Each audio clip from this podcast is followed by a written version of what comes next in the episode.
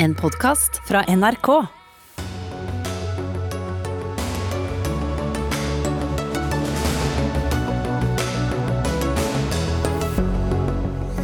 Ja til en forsiktig skjevfordeling av vaksiner fra regjeringen. Steder med mye smitte skal få noen flere vaksiner, men først om noen uker. Folk i regjeringsapparatet hadde likevel en rolle i Molde-ordførerens kritikk av hovedstadens smittehåndtering. Politiseres nå koronapandemien for alvor. Stortingets egen rapport om Forsvarsdepartementets håndtering av Frode Berg-saken er hemmeligstemplet av Forsvarsdepartementet selv. Det er svært betenkelig, mener SV, som møter forsvarsministeren til debatt. Og 2021 ja, det kan bli studentenes beste år, det, ifølge flere ansatte ved Høgskolen Kristiania. Studenten har jo plutselig fått så mye ekstra fritid. Var det det de ville høre nå? Da sier vi god tirsdag og velkommen til Dagsnytt 18 med Espen Aas, der vi også skal innom de mildt sagt galopperende boligprisene i pressområdene. Men vi starter med noe mange hadde ventet på i dag, nemlig endringer i vaksinestrategien. Strategien er eh, det som kalles en forsiktig skjevfordeling av vaksinedoser. Det betyr at f.eks. bydeler i hovedstaden og tett befolkede kommuner på Østlandet nå får en økning i antall vaksinedoser på 20% Dermed følger regjeringen anbefalingen til Folkehelseinstituttet, som mener at flere vaksiner til Østlandet vil føre til færre dødsfall nasjonalt. Og Bent Høie, helse- og omsorgsminister fra Høyre. Blir det så store endringen med 20% økning i doser? Det er jo få doser i omløp.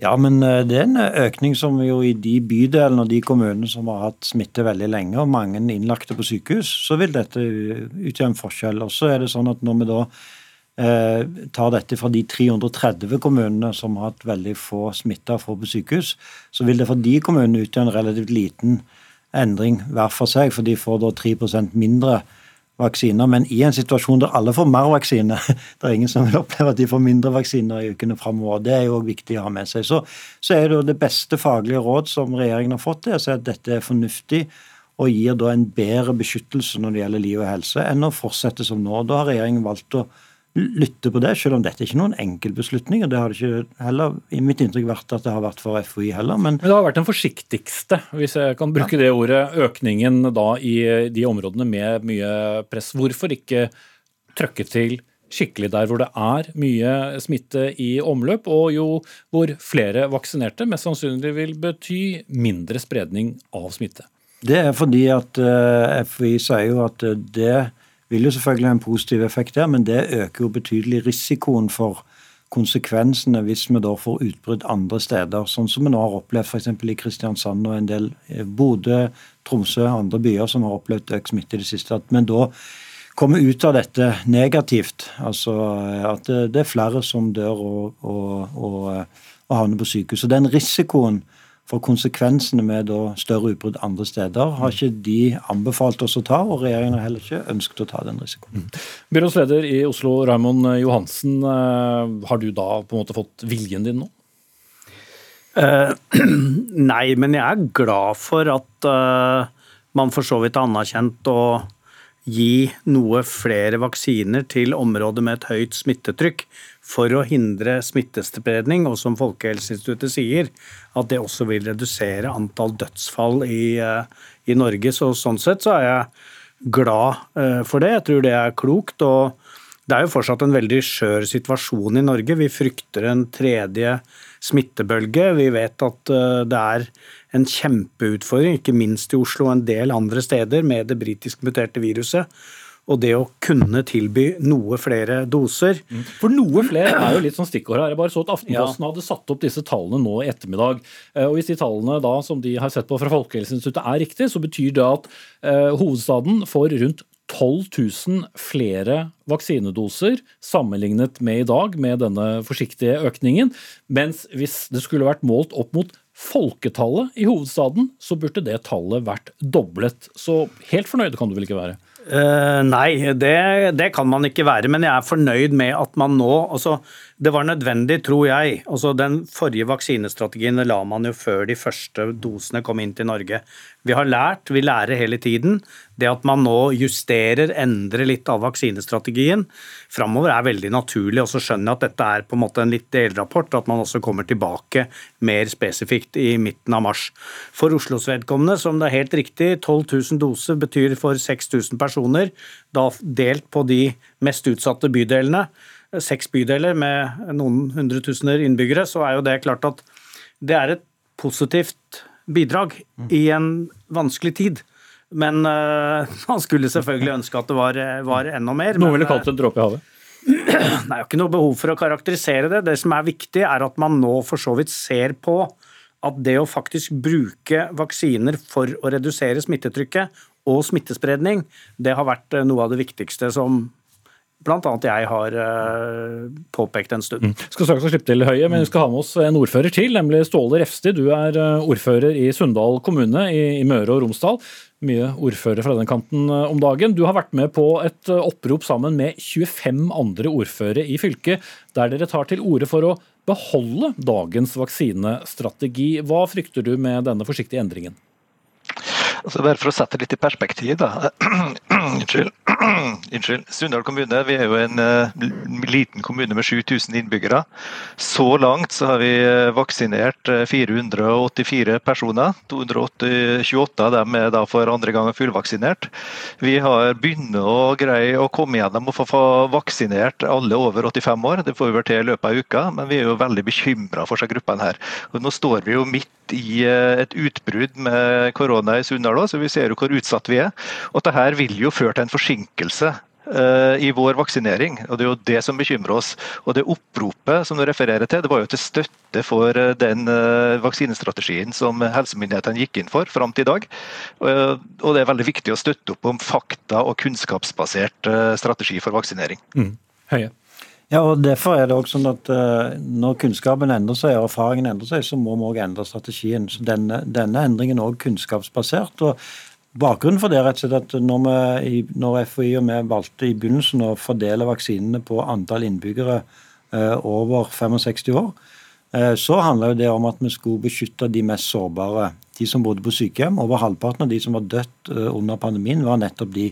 Da var det riktig å gi en lik beskyttelse i hele landet. Nå er vi i en ny fase av vaksineringen. Eh, og Da var det også riktig å ta denne tenkningen på ny, gjøre nye beregninger. og Nå viser de beregningene og vurderingene at med å gjøre denne mer moderate skjevfordelingen, så vil vi i sum da beskytte noen flere, og forhåpentligvis unngå noen flere dødsfall. Mm, beroliger ikke så mange Sunndal, kanskje? Eh, jo, men jo, for det at vi bør uansett hvor vi bor. og Jeg forstår jo at hvis du er ordfører i Sunndal, så vil du ha mest vaksine til Sunndal. Og hvis du er byrådsleder i Oslo, så vil du ha mest vaksine til Oslo. For meg som helseminister for hele Norge, så må jeg tenke på hva er det som bidrar til å beskytte flest i hele landet. Og Det tror jeg egentlig vi er enige om alle sammen, uansett hvor vi bor henne. Og Det er egentlig den vurderingen FHI har sagt. Den beste vurderingen de kan gi, er å anbefale denne noe skjevfordelingen. Og så er det viktig for meg å si at den kommer jo på toppen av og en vurdering om at nå når vi er ferdig med de aller eldste, så kan vi fordele vaksinene ut ifra et befolkningstall. Det betyr òg at de, ikke bare Oslo, men òg en del av de andre større kommunene som har en yngre befolkning, de vil nå få en større andel av vaksinene. I tillegg Så, så flere yngre vil bli vaksinert? Nei, ikke flere, flere yngre, men det betyr at det, i de kommunene der det er en yngre befolkning som òg har hatt høyere hyppighet på sine utbrudd, for det er jo blant de yngre smitten egentlig sprer seg, de vil da raskere kunne beskytte òg eh, nedover i aldersgruppene på de som er sårbare. Så Det vil òg ha en effekt i denne sammenheng. For Oslo og for mitt eget hjemfylke Rogaland, som er jo fylker med ung befolkning, som når en ser på den nasjonale statistikken, ligger relativt langt nede på andelen av befolkningen som har blitt vaksinert. For, for, det mange da lurer på, Kan man ende opp med en situasjon hvor ikke alle over 70 f.eks. er ferdigvaksinert landet over, mens man da begynner å, å vaksinere yngre, eh, altså folk under 70 i f.eks. Rogaland, Oslo eller andre steder? Ja, det er jo, Den situasjonen er vi for så vidt i allerede, for det er en ja. viss fleksibilitet her. sånn at Jeg vil jo tenke for at det er noen nabokommuner til Oslo som ser at Oslo er kommet litt lenger ned i alder enn det de har gjort lurt å lure på hvorfor det er sånn, men det er fordi det er en fleksibilitet her. Og så handler det òg om at en del av vaksinene fordeles også til helsepersonell. og Da vil det være også noen forskjell mellom kommunene. Og så har det men- vært utfordringer med AstraZeneca-vaksinen, som ikke har kunnet brukes. på Hvor det nå blir en endring, så da blir det flere Det kan hende det blir en endring, Ja, men klart, det, står, det står forbi ganske store endringer nå. Vi kan, Men jeg vil bare tilbake til, til Refsti, for du, må du nå eh, Du er jo da øverste politisk ansvarlig i din eh, kommune. Må du endre lokal uh, smittevernspolitikk som følge av dette, tror du? Ikke lokal smittevernpolitikk, men ting vil jo gå seinere. Da. og vi er nå en gang, i hvert fall sånn som vi har forstått det, i, i en omforent uh, dugnadsstrategi der vi skal vaksinere og beskytte sårbare grupper. Og Vi har en vaksinestrategi og en vaksine som ikke beskytter mot smitte og smittespredning, men mot at du blir syk hvis du blir smitta. Derfor er det jo så viktig at vi får vaksinert sårbare grupper overalt. og vi som holdt på å si ikke er vaksinert, men dem som er vaksinert, og vaksin, vaksinen fører jo ikke med seg at du kan leve som normalt. Alle må uansett leve under tiltak og respektere smittevernregler inntil vi har vaksinert nok folk overalt. Og Så lett som det her sprer, så er det klart vi ute i distriktene vi er redd for enhver forsinkelse, vi. For det fører til at våre sårbare grupper blir mer utsatt over lengre tid. Mm. Ja, altså, vi har jo hatt uh grupper i de mest sårbare områdene i Oslo i lang tid, og vi har jo ikke kommet veldig langt når det gjelder øh, det å faktisk vaksinere, vi også.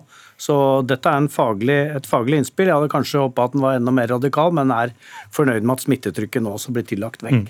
Eh, Vi må følge våre smittevernsråd i studio. Bent Høie blir sittende og Raymond Hansen går ut. Så skal vi få inn Camilla eh, Stoltenberg eh, i studio også. Skal bare vaske av bordet hvor Raymond Hansen har, har sittet. Men Bent Høie, hva da? hva skal til for å øke eh, vaksinasjonen ytterligere i eh, områder med eh, mye smitte i dag, hvis en forsiktig skjevfordeling ikke ser ut til å gi de helt store resultatene? Ja, Det er viktig for meg å si at det er sånn at denne skjevfordelingen og fordelingen av vaksinen nå ikke har noen særlig betydning for smittespredningen. Så det er viktig å si. Jeg oppfatter hele veien at... Det er antall dødsfall eh, ja, altså det, for det hele veien I debatten så kom, skapes det et inntrykk av at eksempel at nå vil det bli mindre risiko for smitte i Oslo, dermed kan de senke tiltakene. Nei, dessverre, sånn er det ikke. I denne fasen, og fram til man får vaksinert en vesentlig del av den voksne befolkningen, så handler vaksineringen om å beskytte mennesker, en, altså enkeltmennesker mot å bli alvorlig syke. og dø. Så det er ikke sånn at vi nå vil, med dette vil kunne oppleve at Oslo for eksempel, kan ha mindre inngripende tiltak fordi de får noe mer vaksine. Jeg skulle gjerne ønske at det var sånn, men sånn er det dessverre ikke. Men heldigvis, det positive er at i løpet av relativt kort tid nå, et par måneders tid, så er vi, opp, og er vi i gang med en så betydelig vaksinering i hele landet at egentlig så er dette spørsmålet da ikke så viktig som det det oppleves. Nei, og du, Da du startet pressekonferansen, så snakket du om starten på en tredje bølge. og Camilla Stoltenberg, du snakket om at vi kanskje kunne begynne å reise i slutten av, av mai. Betyr det at det kommer til å skje mye nå i løpet av de tre neste månedene? Kommer til å skje veldig mye når det gjelder tilgang til vaksiner. Eh, Vi stoler for det første mye mer på at selskapene, vaksineselskapene leverer det de har sagt de skal levere. Eh, Og hvis de gjør det, så blir det 650 000 doser ca. i mars, og så 1,5 million i april. Og over to millioner i mai og over to millioner i juni. Og Det betyr at vi kommer opp i helt andre tall enn vi har vært nå når det gjelder antall som blir vaksinert. Og Det er viktig å se det forslaget som nå forelegger om geografisk skjevfordeling etter smittepress i lys av alle disse andre tingene som nå kommer til å skje. Og Det aller viktigste er tilgangen til vaksiner for å få løst alle de problemene som kan, vaksiner kan løse. Men er det også da en, en eh, beroligelse til eh, ordfører eh, Refsti og andre som nå er bekymret? Ja, det er det. fordi det skjer jo da som sagt tre ting samtidig. Det ene er dette forslaget som nå får størst oppmerksomhet, med god grunn, men det er egentlig et lite bidrag, selv om vi mener at det er viktig og kan bidra nå. Det andre er å få mye mer vaksine, det er det viktigste bidraget. Og det tredje er det å fordele etter befolkningstall, enten hele befolkningen eller de gruppene som nå står for tur, eller snart vil stå for tur for vaksinasjon. Hvorfor har vi brukt to måneder på å endre strategi? Hva er det som gjør at det i dag er riktig med denne forsiktige skjevfordelingen? Som ikke var brukt, ikke brukt to måneder på å endre strategi, vi har brukt et par uker på det. eh, Og komme fram til Jo, men spørsmålene ble jo stilt Ja, spørsmålene vært stilt, og da svarte vi. Og da svarte vi at vi mener at det ikke skal gjøres på det tidspunktet, altså i midten av desember. Det vi skal gjøre da, er å konsentrere oss om å redusere risikoen for dødsfall og innleggelser blant de som har aller høyest risiko. Og det har vi holdt på med siden. Men den store forandringen vil egentlig ingen merke, fordi lokale smitteregler vil være som de er inntil videre i, i pressområdene. Men den store forandringen kom på, på lengre sikt? bare for å få Den kommer på litt lengre sikt. Sannsynligvis omtrent når alle ned til 45 år og risikogrupper og helsepersonell er vaksinert. Mm. Bent Høie, vi må også innom en gang til denne saken rundt Høyre-ordfører Torgeir Dahl i Molde og hans kritikk av, av, Oslo. For du kalte den debatten unødvendig på pressekonferansen i dag. altså at oppstått en debatt, Men at en statssekretær ved statsministerens kontor, den tidligere pressesjefen i ditt parti, er med på å så en muligens da, en politisk splittelse mellom byer i Norge, det er også unødvendig? Ja, altså det, det, det, endrer ikke på mitt standpunkt i forhold til det utspillet fra ordføreren i Molde og den debatten som det utløser. Det er den jeg mener er unødvendig. Uh, og, Men at det er folk i ditt eget parti ja, og, og ditt eget regjeringsapparat som er med på det? Og Det gjør det ikke mindre unødvendig. Tvert imot. Jeg mener dette er en avsporing. Jeg er helt enig med statsministeren. Og det bringer ingenting godt med seg.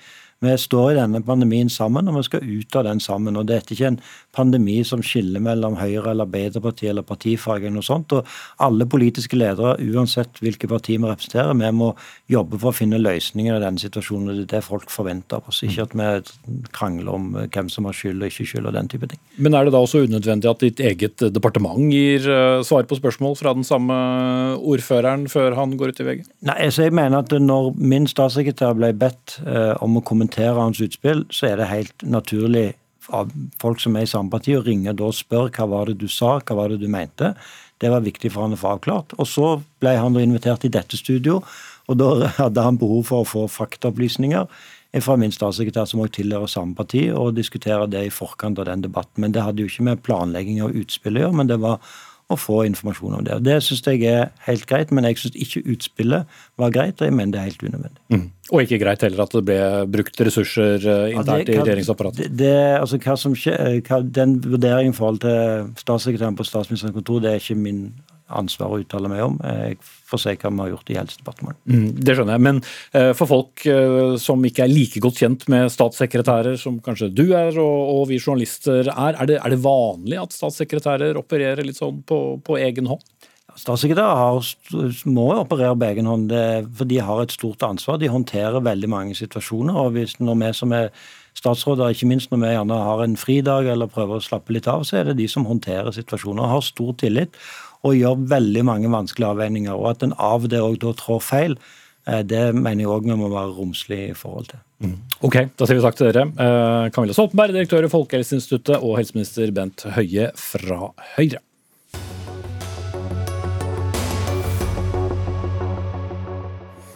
Men vi gir oss ikke helt med denne historien rundt eh, ordfører Torgeir Dahl i Molde. Fordi eh, den samme ordføreren har jo innrømmet at han hadde altså hele fire telefonsamtaler med statssekretær Peder Egseth på statsministerens kontor i helgen i forbindelse med dette mye omtalte intervjuet han gjorde i VG, hvor han eh, stadig kritiserte Oslos koronahåndtering.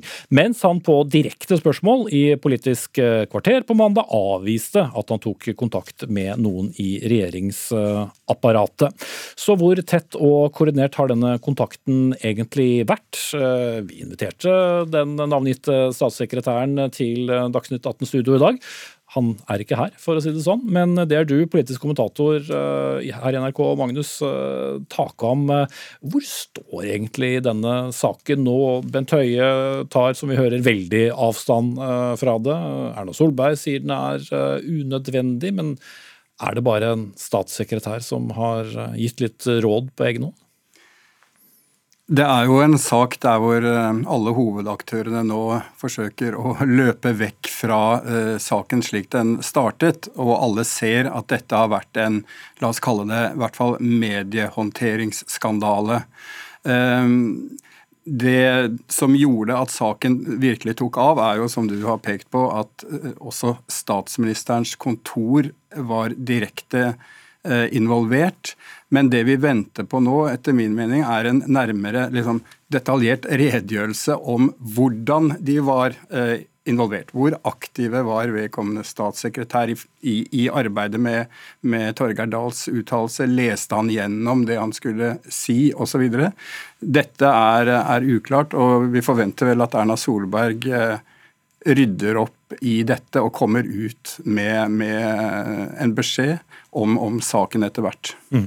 Fordi enten så har jo da statsministeren vært helt uvitende om uh, hva som har uh, foregått, uh, eller så har hun ikke det. Ja, jeg, det, er ingen, jeg, det, er ingen, grunn til å tro at Erna Solberg personlig var informert om den skal vi si, dialogen hennes statssekretær hadde med, med Torgeir Dahl. Men det er klart, Eh, en statssekretær ved hennes kontor vet eh, i den jobben han har, at alt vedkommende gjør kan på et tidspunkt bli offentlig kjent, og dermed må man håndtere den etter, etter det. Eh, så det har jo da blitt en sak der Erna Solberg to ganger har måttet markere kritikk både mot eh, Molde-ordføreren og også sin egen statssekretær. Og begrunnelsen er at de har bidratt til eh, et fokus på saken som setter by og land opp mot hverandre eh, i en sak der hele landet bør stå sammen. Og det er jo et paradoks at i det, det, referatet Torgeir Dahl har om sin kontakt med Peder Egseth, så er det den første gangen hans, hans sak er Oslos kamp for å få mer vaksiner, såkalt på bekostning av resten av landet. Og Blant annet Møre og Romsdal, som jo har vært uh, et fylke som har vært litt opprørt over det. Og det er jo nettopp det eh, som i hvert fall til en viss grad har skjedd i dag. Og det gjør jo saken eh, enda mer spesiell at, at, det bidro i så fall da statsministerens kontor til å få få et kritisk søkelys på, faktisk. Mm. Korona og spinn, som vi ofte snakker om i pressen, de passer dårlig sammen, skriver du i din avis i dag, politisk redaktør i Adresseavisen Siv eh, Sandvik. Men hva slags spinn er det egentlig vi har sett? Ja, for eh, folk flest eh, forbinder jo kanskje ordet å spinne med gardenarbeid, men eh, i, i, politikken så er det jo snakk om å, å, påvirke, og da spesielt påvirke oss kommentatorer og journalister til å få en vinkling som gagner sitt parti eller sin politikk eller interesseorganisasjoner. Og hvis forsøket fra Høyre og SMK her var å få Raymond Johansen og byrådet i Oslo, som er leda av Arbeiderpartiet, satt i et eh, dårlig lys, så kan vi jo fort si at de ikke lyktes med det. Eh, her er det i stedet for å være en debatt om Raymond Johansen har håndtert eh, situasjonen i Oslo på en god måte, så får vi nå en diskusjon om eh, krefter i Høyre har forsøkt å slå politisk mynt på det som oppleves som en fortvila situasjon for mange som bor i hovedstaden. Mm. Og Du har snakket da med Høyre-folk både nasjonalt og også lokalt. Hva slags reaksjoner har du fått? Nei, det var en høyrekilde jeg snakka med lokalt som sa på hva trøndersk at dette her var toskete. Eh, og da sikta vedkommende både nok til situasjonen, altså selve utspillet til Molde-ordføreren, eh, og også til håndteringa i, i, etterkant. For alle vet jo at, når, eh, at troverdigheten til Høyre her er jo svekka når det først blir sagt i Politisk kvarter at uh, ordføreren ikke hadde hatt eh, kontakt med noen i regjeringsapparatet. Og så viser det seg relativt kort tid etterpå at uh, jo, det hadde han. Og da fortsetter jo de kritiske spørsmålene å komme. Mm. Og, og Magnus om, Det er jo for så vidt ikke nødvendigvis rart at en Høyre-ordfører kontakter eh, noen ved statsministerens eh, kontor, kanskje da for å få, få, hjelp til å få solgt inn eh, en sak til et riksmedium. Men jobben til en statssekretær, som Bent Høie nettopp forklarte, er jo egentlig å, å ta oppgaver fra en statsråd eller en minister, da, som i Erna Solbergs tilfelle. Skal også en statssekretær være med på politisk spinn? Altså, En statssekretær i et politisk eh, parti, altså i et regjeringsparti, eh, eh, har jo et visst handlingsrom. Og det er ikke helt uvanlig at også skal vi si, lokalpolitikere i vedkommende parti, hvis, hvis de har fra før av en, en, type kontakt og er del av, av, av f.eks. samme fylkesparti eller kjenner hverandre fra før, Eh, ber om råd.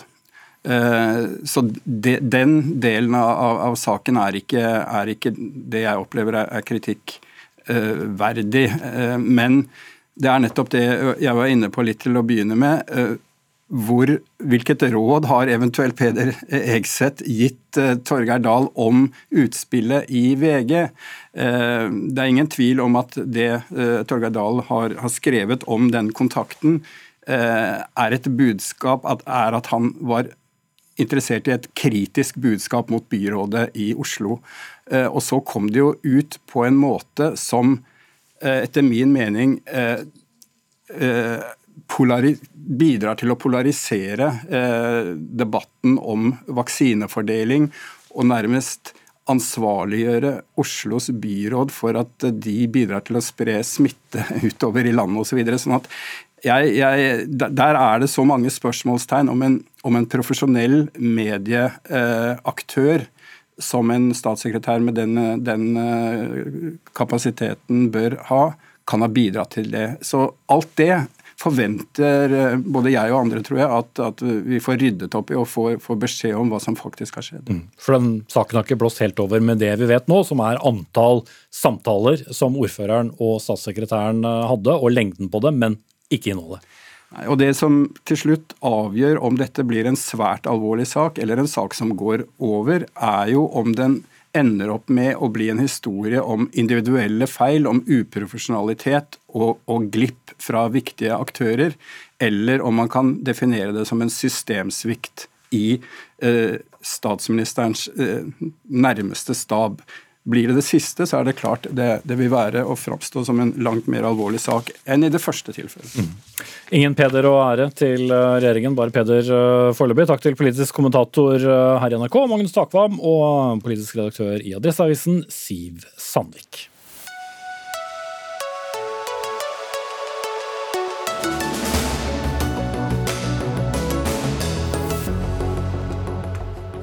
Du lytter til Dagsnytt 18. Klokken nærmer seg halv sju. Den. Er du student, har du strengt tatt ingenting å bruke fritiden på om dagen, noe mange selvfølgelig er frustrert over. Men grip den muligheten, sier fire akademikere ved Høgskolen Kristiania Aldri har dere studenter hatt mer tid å bruke på nettopp studier. Det blir debatt med student som hoppet av studentene mot slutten av sendingen. Men nå skal vi til rapporten om Frode Berg-saken, som er hemmeligstemplet, og det i sin helhet av Forsvarsdepartementet. Berg ble som kjent dømt til 14 års fengsel som spion i Russland i 2019, men ble til slutt utlevert hjem til Norge senere samme år. Stortingets kontrollutvalg for de hemmelige tjenestene tjenestene, eller EOS-utvalget, startet en egen undersøkelse av sider av denne saken allerede før Berg var utlevert i russisk fangenskap.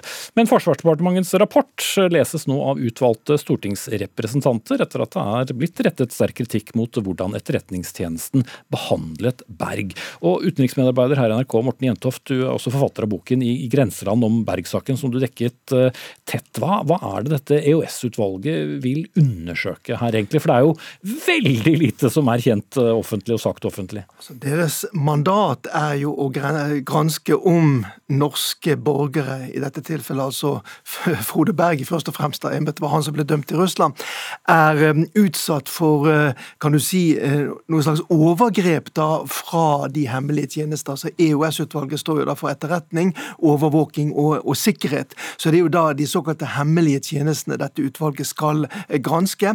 Eh, har det blitt begått overgrep mot eh, Frode Berg. Og Da handler det jo først og fremst da om eh, bruken av en tidligere norsk grenseoffiser i et skarpt oppdrag inn i eh, Russland. Eh, det er jo den materien da eh, EOS-utvalget har, har, gått inn i. Men vi vet jo at dette er veldig følsomme spørsmål.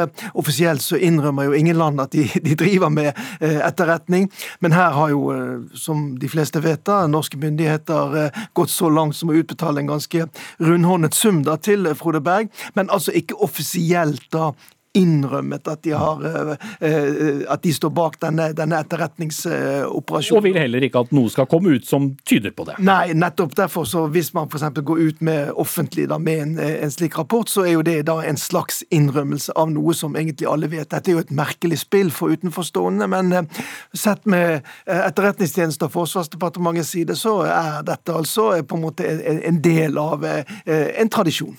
La meg da hente inn hovedpersonen selv. Eh, Frode Berg, eh, du er med oss eh, på, på, linje. Du ville jo helst at så mye som mulig skulle bli offentliggjort. Men hva ønsker du aller mest, eller hva er det aller viktigste å få offentliggjort, slik du ser det?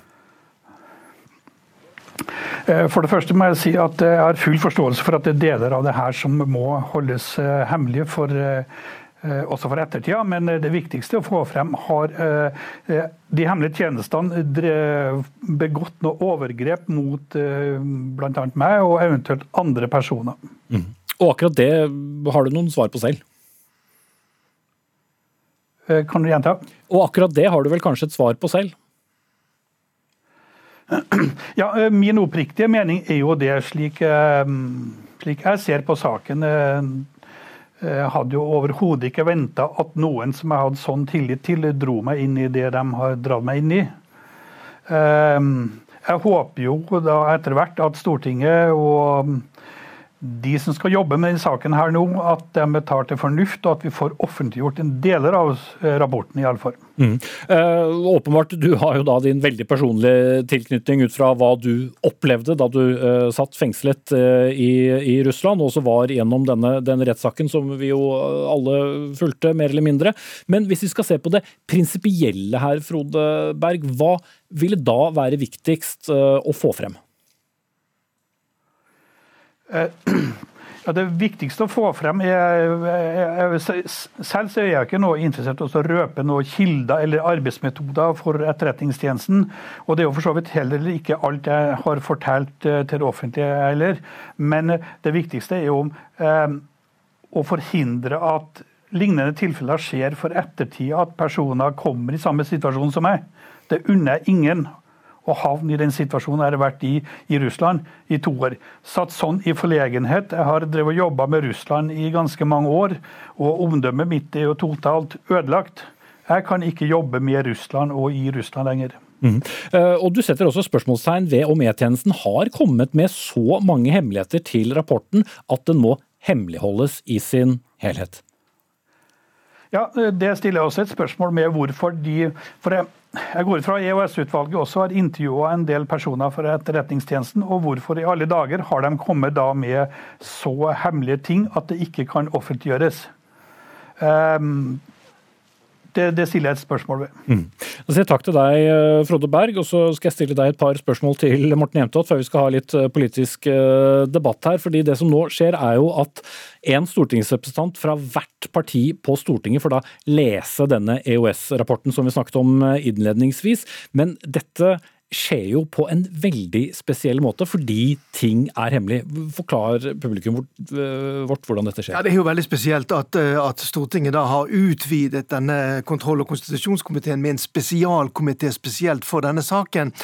Og nå sitter altså representanter for denne komiteen, pluss da representanter også fra de partiene som ikke er med i komiteen, eh, Rødt, eh, Miljøpartiet De Grønne og Kristelig Folkeparti, de sitter da i et dertil egnet rom på Stortinget. De får ikke lov å snakke sammen. Der sitter de altså og leser gjennom eh, denne rapporten her. Og så blir det jo da en diskusjon om hva som skal skje videre. Skal det bli en høring der f.eks. Frode Berg også blir innkalt, slik som han ønsker det selv, da. Og Det betyr jo også at han vil da få tilgang til denne rapporten her. Skal noe av den høringen høringen her være offentlig? Skal man gå tilbake til Forsvarsdepartementet og be dem avgradere deler av rapporten? Så her er det flere ting da som, som kan skje videre for uh, om man skal få vite hva som står i den. Mm. Takk til utenriksmedarbeider og forfatter uh, Morten Jentoft. Og vi skal uh, blant annet, eller blant andre heter det vel faktisk, få inn en som for bare noen timer siden satt med disse hemmelige papirene og kunne lese gjennom denne rapporten. For det er stortingsrepresentant for Sosialistisk Venstreparti, Freddy André mm, Øvstegård, medlem i denne særskilte komiteen for Frode Berg-saken. En, en, hemmelig rapport. Eh, så jeg får jo bare stille spørsmålene, så får du svare. Kan du si noe om hva slags inntrykk du sitter igjen med når du leser den rapporten, når det gjelder det at den skal være så hemmelig? Så Det er jo klart at det er en uh, alvorlig sak. Uh, det, det, visste vi jo fra, fra før i og for seg også. Um, og så er jo mitt inntrykk da, etter å ha lest, uh, lest denne rapporten, at det jeg har tenkt hittil, om at her er det iallfall noen ting som burde kunne og ja, burde kunne blitt delt med offentligheten, og som burde blitt delt med offentligheten eh, med tanke på den demokratiske kontrollfunksjonen som eh, både EOS-utvalget ivaretar på vegne av Stortinget, og ikke minst eh, Stortinget til slutt skal, skal, gjøre når vi behandler det her. Mm. Og, og, Dere har jo tidligere uttrykt ganske stor bekymring for håndteringen da fra Etterretningstjenesten rundt Frode Berg. Har det blitt styrket eller svekket gjennom gjennomlesningen? Så Jeg vil ikke si noe om, om det ut fra min lesning av rapporten, men, men det jeg vil si er at her har man jo to viktige hensyn som står imot hverandre. Det er klart at uh, det er ting i rapporten som ikke skal uh, offentliggjøres. Uh, det er klart at vi må tenke på landets sikkerhet, men vi må også, så fremt det er mulig, søke mest mulig offentlighet rundt en sånn sak. Og Det handler om den demokratiske kontrollfunksjonen som Stortinget skal ivareta. Og det handler også om at tjenestene våre, f.eks. E-tjenesten, skal bli bedre i jobbene sine, rett og slett. Og da trenger man den typen kritisk søkelys søkelys og offentlig debatt. Eh, jeg mm. tror på at det er måten å forbedre eh, det vi driver med på, og da er det vanskelig eh, når alt er hemmelig. Mm. Frank Bakke-Jensen, forsvarsminister. Hvorfor er det så viktig at alt hemmeligholdes? Ja, De hemmelige tjenestene har behov for å skjerme kilder, metodikk uh, hendelser rett og slett av, av, av, hensyn til eh, personell, til partnere, allierte, til, til metoder de gjør. Sånn, sånn, at Derfor er det et, eh, et veldig stor grad av hemmelighold. Jeg ja, Total grad, vil vel ja, kunne si her. Ja, og, og, jeg må også få lov å, å skyte inn at det er jo utgangspunktet det som er begrunnelsen for opprettelsen av EØS-utvalget. At man sto plutselig i et, eh, i et, lite vakuum. Man hadde hemmelige tjenester som gjorde ting utafor den demokratiske kontrollen. Nå har eh, man laga en, en, modell for parlamentarisk kontroll, sånn at vi har de betrodde personer i EØS-utvalget som gjør den kontrollen. De har tilgang på all kunnskap om det tjenestene gjør. Eh, men de ønsket jo å offentliggjøre rapporten, mens jo, Forsvarsdepartementet ikke? Ja, det, det, er sant. Forsvarsdepartementet vi ønsker ikke å offentliggjøre rapporten rett og slett av hensyn til tjenestene og til nasjonens eh. Mm. Men det er jo ikke sånn at noen tror at Frode Berg-saken ikke skjedde, selv om det ikke er kommentert uh, offisielt fra uh, offisielt hold hva, hva som skjedde. Kan ikke dette rett og slett kaste mer mistenkelig slør over hele denne saken ved at alt skal hemmeligholdes? Nei, altså det, det, og det forutsetter jeg også. at Nå ligger uh, saken i, i, Stortinget.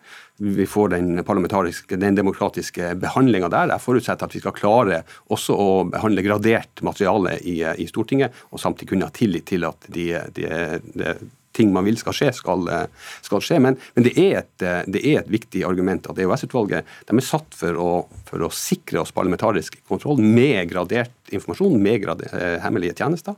Og jeg mener at vi, eh, vi skal klare den, eh, å ha en, en, tillitsfull kontroll, selv om vi ikke kan ha full offentlighet. Mm, men det har jo aldri hendt før at en hel rapport har vært gradert hemmeligholdt på denne måten fra EØS-utvalget. Og jeg mener virkelig det at en viktig del av den demokratiske kontrollen, av den parlamentariske kontrollen, er også offentlighetens innsyn og eh, offentlighetens debatt eh, rundt de sakene vi eh, faktisk behandler.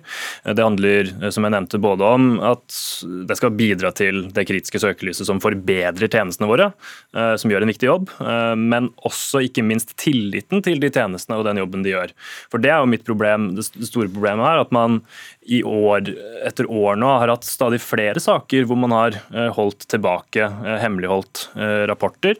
Også rapporter med kritikk av regjeringen har blitt holdt tilbake. Vi har sett det i Eh, flere saker. Eh, tidligere kampflysaken har vi hatt. Mm. Jo, men La oss ikke ta opp alle de, men, men, men, som Frank Bakke-Jensen sier, så er jo EØS-utvalget satt ned for å ivareta denne kontrollen. Og selv om da informasjonen forblir intern blant de folkevalgte, kan ikke likevel det da opprettholdes?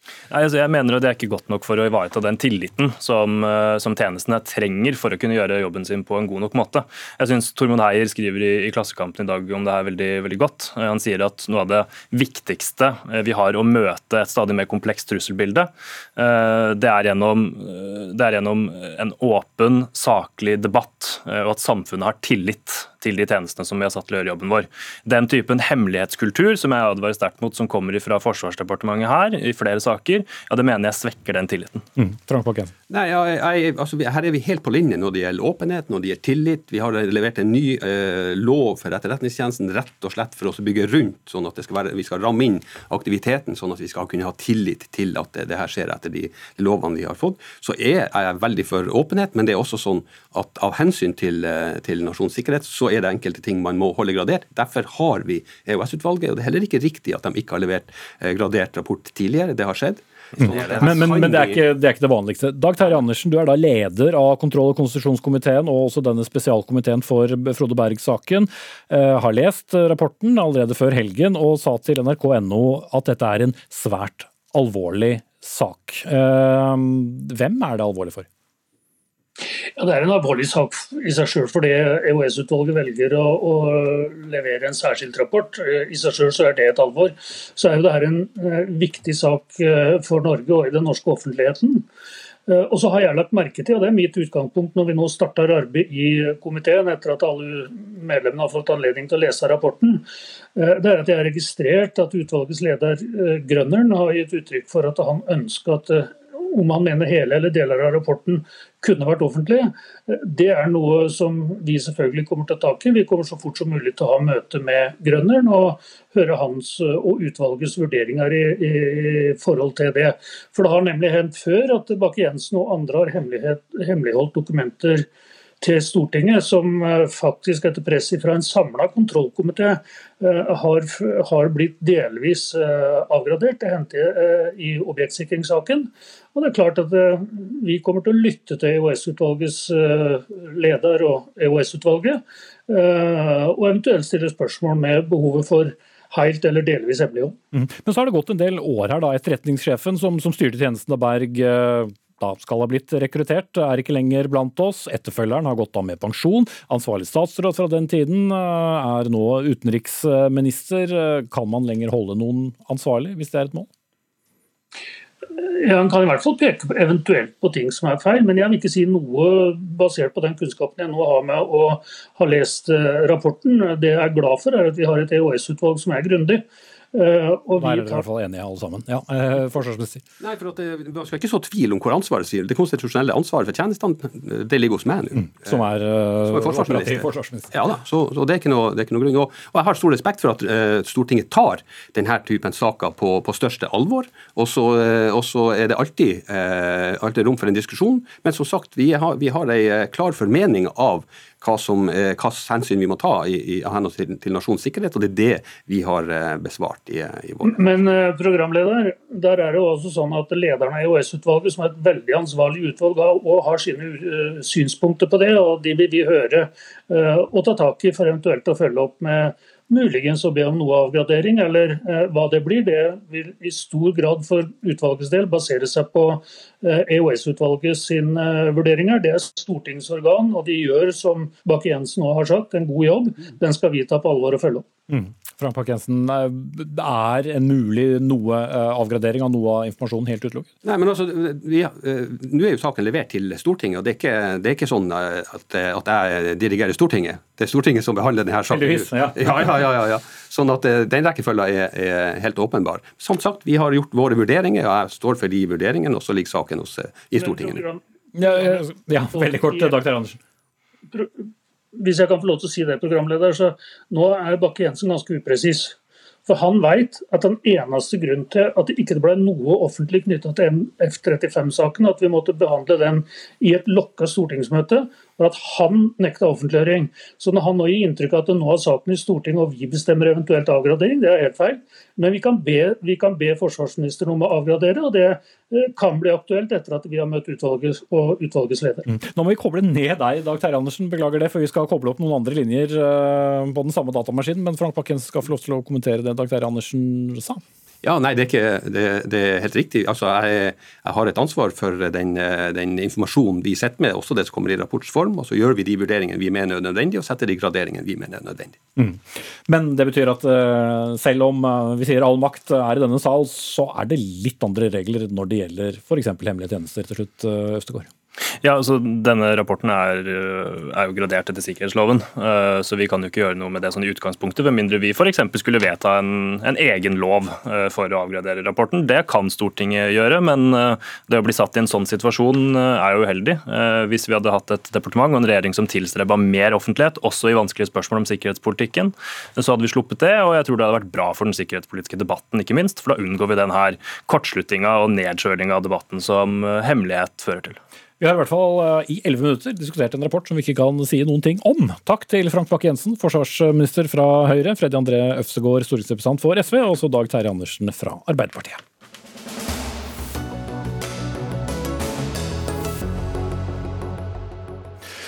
Så skal vi til noe som aldri ser ut til å slutte å vokse, nemlig boligprisene. I går kom tall fra boligbyggelagkonsernet Obos som viste en oppgang i prisene på hele 5,9% i februar altså på fire uker. Aldri før har det vært et så stort prishopp i boligprisene hos Obos-konsernet som i februar 2021. Obos forvalter over 240 000 eiendommer, hovedsakelig i storbyene. Og Sissel Monsvold, du er sjeføkonom i Obos. Du kalte denne prisutviklingen bekymringsfull i pressemelding i går. Samtidig, dette er en utvikling vi har sett nå elleve måneder på rad. Oppgang, oppgang, oppgang. Hvorfor skjer dette?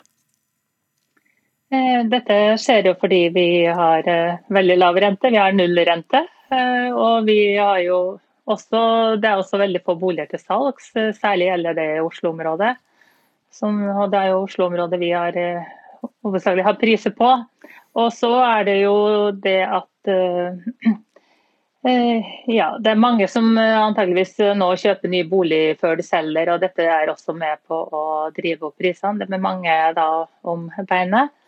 Og, så det er jo også noe sånn selvforsterkende prisforventninger her. Da, så at mange er ute i markedet og vil handle når og er redd for på en måte at markedet løper fra dem, og da kanskje gjerne hiver seg på.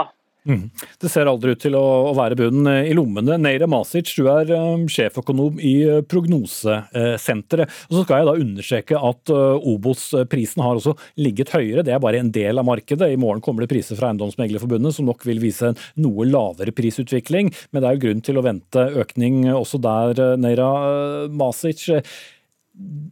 I flere tiår har jo boligprisene gått eh, oppover. Eh, den storstilte boligbyggingen som eh, alle snakker om som må til for å korrigere boligprisene, den, den kommer aldri.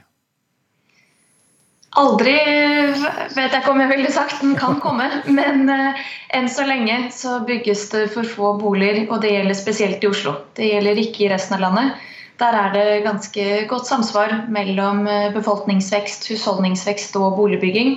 Mens i Oslo så ser vi at det rett og slett eh, både igangsettes og ferdigstilles færre boliger enn det det er eh, behov for. Mm. Og Monsvold, du har sagt at eh, det er grunn til å forvente en nedgang utover året, men den kan vel neppe bli særlig stor ut fra at etterspørselen har vært så kraftig? Ja, det er jo mye usikkerhet over hvordan dette vil utvikle seg. Men jeg har en forventning om at vi etter hvert eh, vil se noe lavere veksttakt i prisene. Og at eh, etter hvert så vil denne renteeffekten eh, som avta noe. Og det vil jo etter hvert også nærme seg en renteoppgang, slik at jeg tror det vil ha innvirkning. Og vi har jo nå et eh, allerede veldig høyt eh, over, slik at det også i seg selv vil være begrensende. Og nå kan det jo kanskje være slik også etter hvert nå da, at eh, nå har mange kjøpt før de, før de, har solgt, men så må de jo ut og selge den boligen også, slik at det kan komme noen flere boliger ut i markedet. og Det kan jo også være med på å dempe dempe det noe. Mm.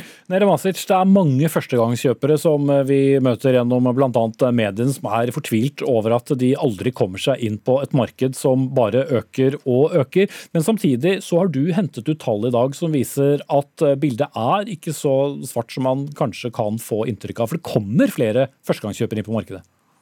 Det stemmer. Vi har sett på tinglysninger fra grunnboka. og Da ser vi at eh, spesielt i andre og tredje kvartal 2020 så var det flere førstegangskjøpere både målt i antall og målt som andel i Oslo og på landsbasis.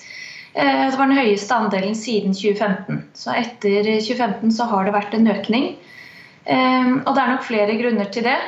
En av grunnene er at etter 2017 ble veldig mye svakere prisvekst eh, pga. boliglånsforskriften. Og vi fikk fire renteøkninger fra høsten 2018 til høsten 2019. Mm, bare minne om da at boliglånsforskriften altså stilte et høyere krav til hvor mye egenkapital eh, kjøperne måtte ha, for de som ikke husker det. ja. Og så var det fem ganger inntekt som lånetak, som eh, kanskje var det mest begrensende av det som kom i boliglånsforskriften i 2017. Så vi hadde egentlig tre år der boligprisene omtrent ikke steg noe. Eh, og i fjor, før koronautbruddet startet, så nådde boligprisene i Oslo akkurat eh, det nivået de var på da våren 2017. Så vi hadde tre år eh, uten noe særlig vekst, og det var jo positivt for førstegangskjøperne. For da kunne de bruke de tre årene på å spare opp penger og egenkapital til boliger uten at boligprisene løp fra dem. Så det er nok en av hovedårsakene til at andelen førstegangskjøpere har økt i denne perioden. Men så det som har skjedd etter rentekuttene i fjor, og denne veldig eksplosive prisveksten det kan jo føre til at andelen førstegangskjøpere igjen faller. Så jeg tror den eh, andelen der er ganske sensitiv for eh, så sterk prisvekst som vi har hatt. Så vi utelukker ikke at, eh, at, det vil bli litt færre førstegangskjøpere igjen nå fremover. Mm. Og så vet vi at uh, gjeldsgraden er uh, veldig høy. Vi vet at renten ikke har vært satt opp på lang tid, men dere og andre regner med at boliglånsrenten skal opp i løpet av året, om, om enn bare litt, og, og kanskje mot slutten av året. Vil det ha så stor effekt hvis renten bare skal økes i små porsjoner, som sentralbanksjefen har sagt? Jeg tror ikke renteøkningen vil ha så veldig stor effekt. Og jeg tror også som du sier at det blir en svak renteøkning. Vi er i en situasjon der næringslivet trenger mye lavere rente enn det husholdningene og boligmarkedet har behov for. Så vi kan ikke sette opp renta særlig mye, fordi økonomien der ute er ikke klar for det. Eh, så det blir kanskje en økning på 0,25 prosentpoeng i år, og kanskje en ytterligere økning i 2022. Så vi tror egentlig ikke det vil eh, dempe boligetterspørselen så veldig mye. Vi hadde jo som sagt fire renteøkninger fra 2018 til 2019 uten at det førte til fallende priser. Det førte bare til at boligprisveksten eh, ble dempet og avtok litt. Mm. Men det er andre ting som kan skje, og jeg vil bare nevne det kjapt at boliglånsforskriften kan bli strammet inn midlertidig dersom denne veldig sterke veksten i boligprisene fortsetter. Mm. I morgen får vi altså enda flere tall som eh, gir oss mer innsikt. Takk til Neira Masic, sjeføkonom i Prognosesenteret, og Sissel Monsvold sjeføkonom hos Obos.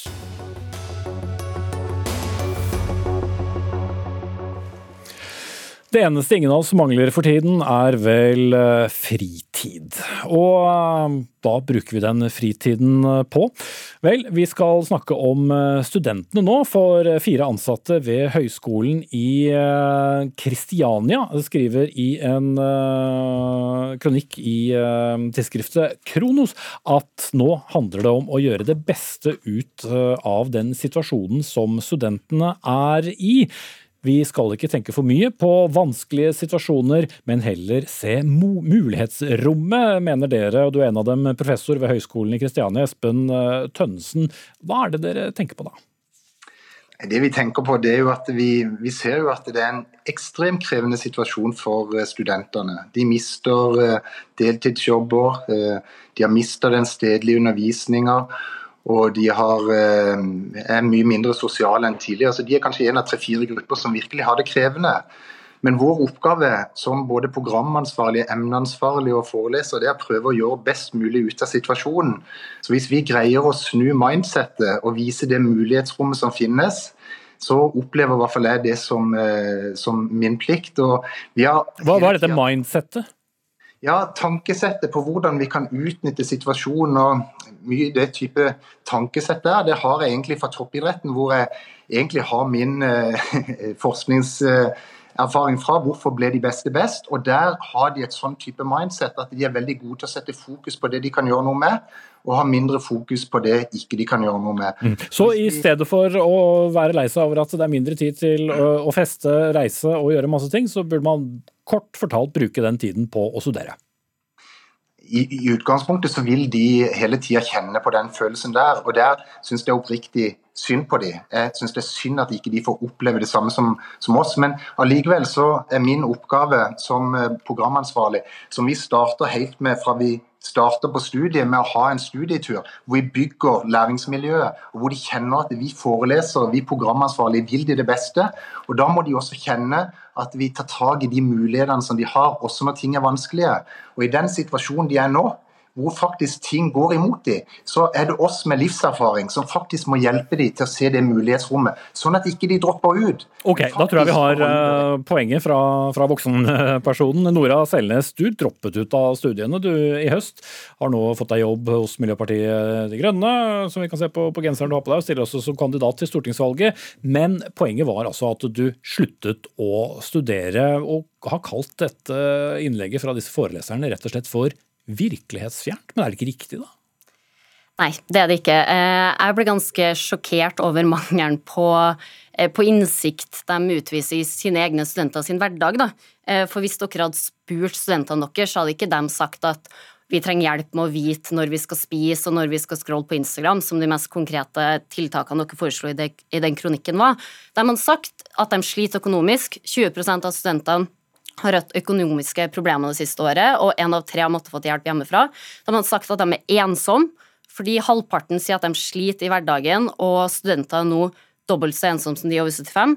Og de hadde sagt at de trenger at ting holdes åpent, fordi det er studentjobbene som ryker først, og det er studentene og de unge som har båret den største byrden av korona og nedstenginga hele det siste året. Mm. Men det er det dere fokuserer for mye på, sier de også? Ja, og der er det jo Ja, eh, så når jeg leste innlegget, så visste jeg jo ikke helt om jeg skulle le eller gråte, da, men det er jo litt absurd å skulle sammenligne det å være en toppidrettsutøver med all den profesjonelle eh, riggen og tette oppfølginga man har der, med det å være student og må lære seg et fag helt på egen hånd, veldig mange på en knøtteliten hybel. Og det å da eh, igjen koke ned den utfordringa, den settinga og de problemene jeg nettopp pekt på, til å mm. være et slags attitude-problem, blir for meg ganske respektløs overfor studentene. Og jeg må jo si at jeg blir veldig skuffa når da Høgskolen Kristiania og de bl.a. Tønnes her ikke bruker sin posisjon til å gå ut og løfte de politiske mm. løsningene som studentene trenger. Da. Mm. Svar på det, Tønnesen. De har det helt eh, krevende, og vi jobber helt kontinuerlig med å prøve å gjøre det bedre for studentene. Vi setter opp ekstra oppgavetimer til de hver uke for å bidra på den måten vi kan bidra med. Jeg får sikkert fem til ti ganger så mye henvendelser på mail og telefon som jeg har fått tidligere. Jeg prøver å være lynsnart til å svare, nettopp for å følge de opp der. Men til tross for det, så prøver jeg hele tida å bygge mulighetsrommet. Ha kollokviegrupper på Zoom, jobbe videre. Jeg fikk en gledelig nyhet nå én time før denne sendinga. Det var fra hun som er emneansvarlig for, innenfor uh, motiverende kommunikasjon. FAE-studentene som jeg har, hadde gjort sine beste resultater ever på eksamen. Og det i denne vanskelige tida. Og da tenker jeg yes, vi har lykkes med å snu mm. Jo, men det er, en, det er en god historie. Vi har hørt veldig mange andre historier. Eh, Tønnesen, setter dere ja. godt nok inn i hvordan studentene har det? Ja, jeg vet hvor krevende det er. Jeg har selv en datter som studerer, og hun er også med de samme bekymringene. og Jeg deler de, og jeg syns oppriktig jeg har empati for det. Men sammen må vi løse det. Derfor de greier ikke å løse dette alene. Vi må sette oss sammen. og når vi skrev denne eh, kronikken, så var det nettopp for å endre også, ikke bare mindsettet til studentene, men først og fremst til oss også som fagansvarlige, som eh, programansvarlige. Ok, det har du sagt, så nå skal din motdebattant få svare til slutt. Ja, der igjen er det attituden. At de fleste forelesere har jo ikke fått flere timer eller større stillingsprosent for å kunne tilrettelegge på den måten dere gjør, og det er flott at du har lykkes, men det er jo ikke realiteten for de fleste. Altså 60% av studentene mener at det ikke har blitt laga gode digitale alternativ, og 72% sier at de ville ha fått mer ut av fysisk undervisning.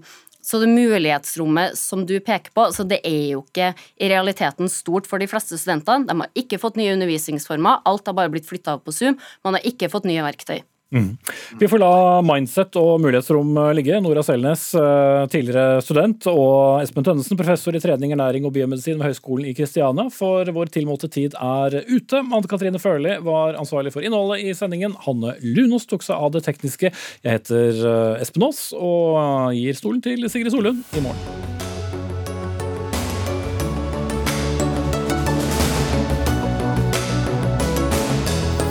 Du har hørt en podkast fra NRK. Hør flere podkaster og din NRK-kanal i appen NRK Radio.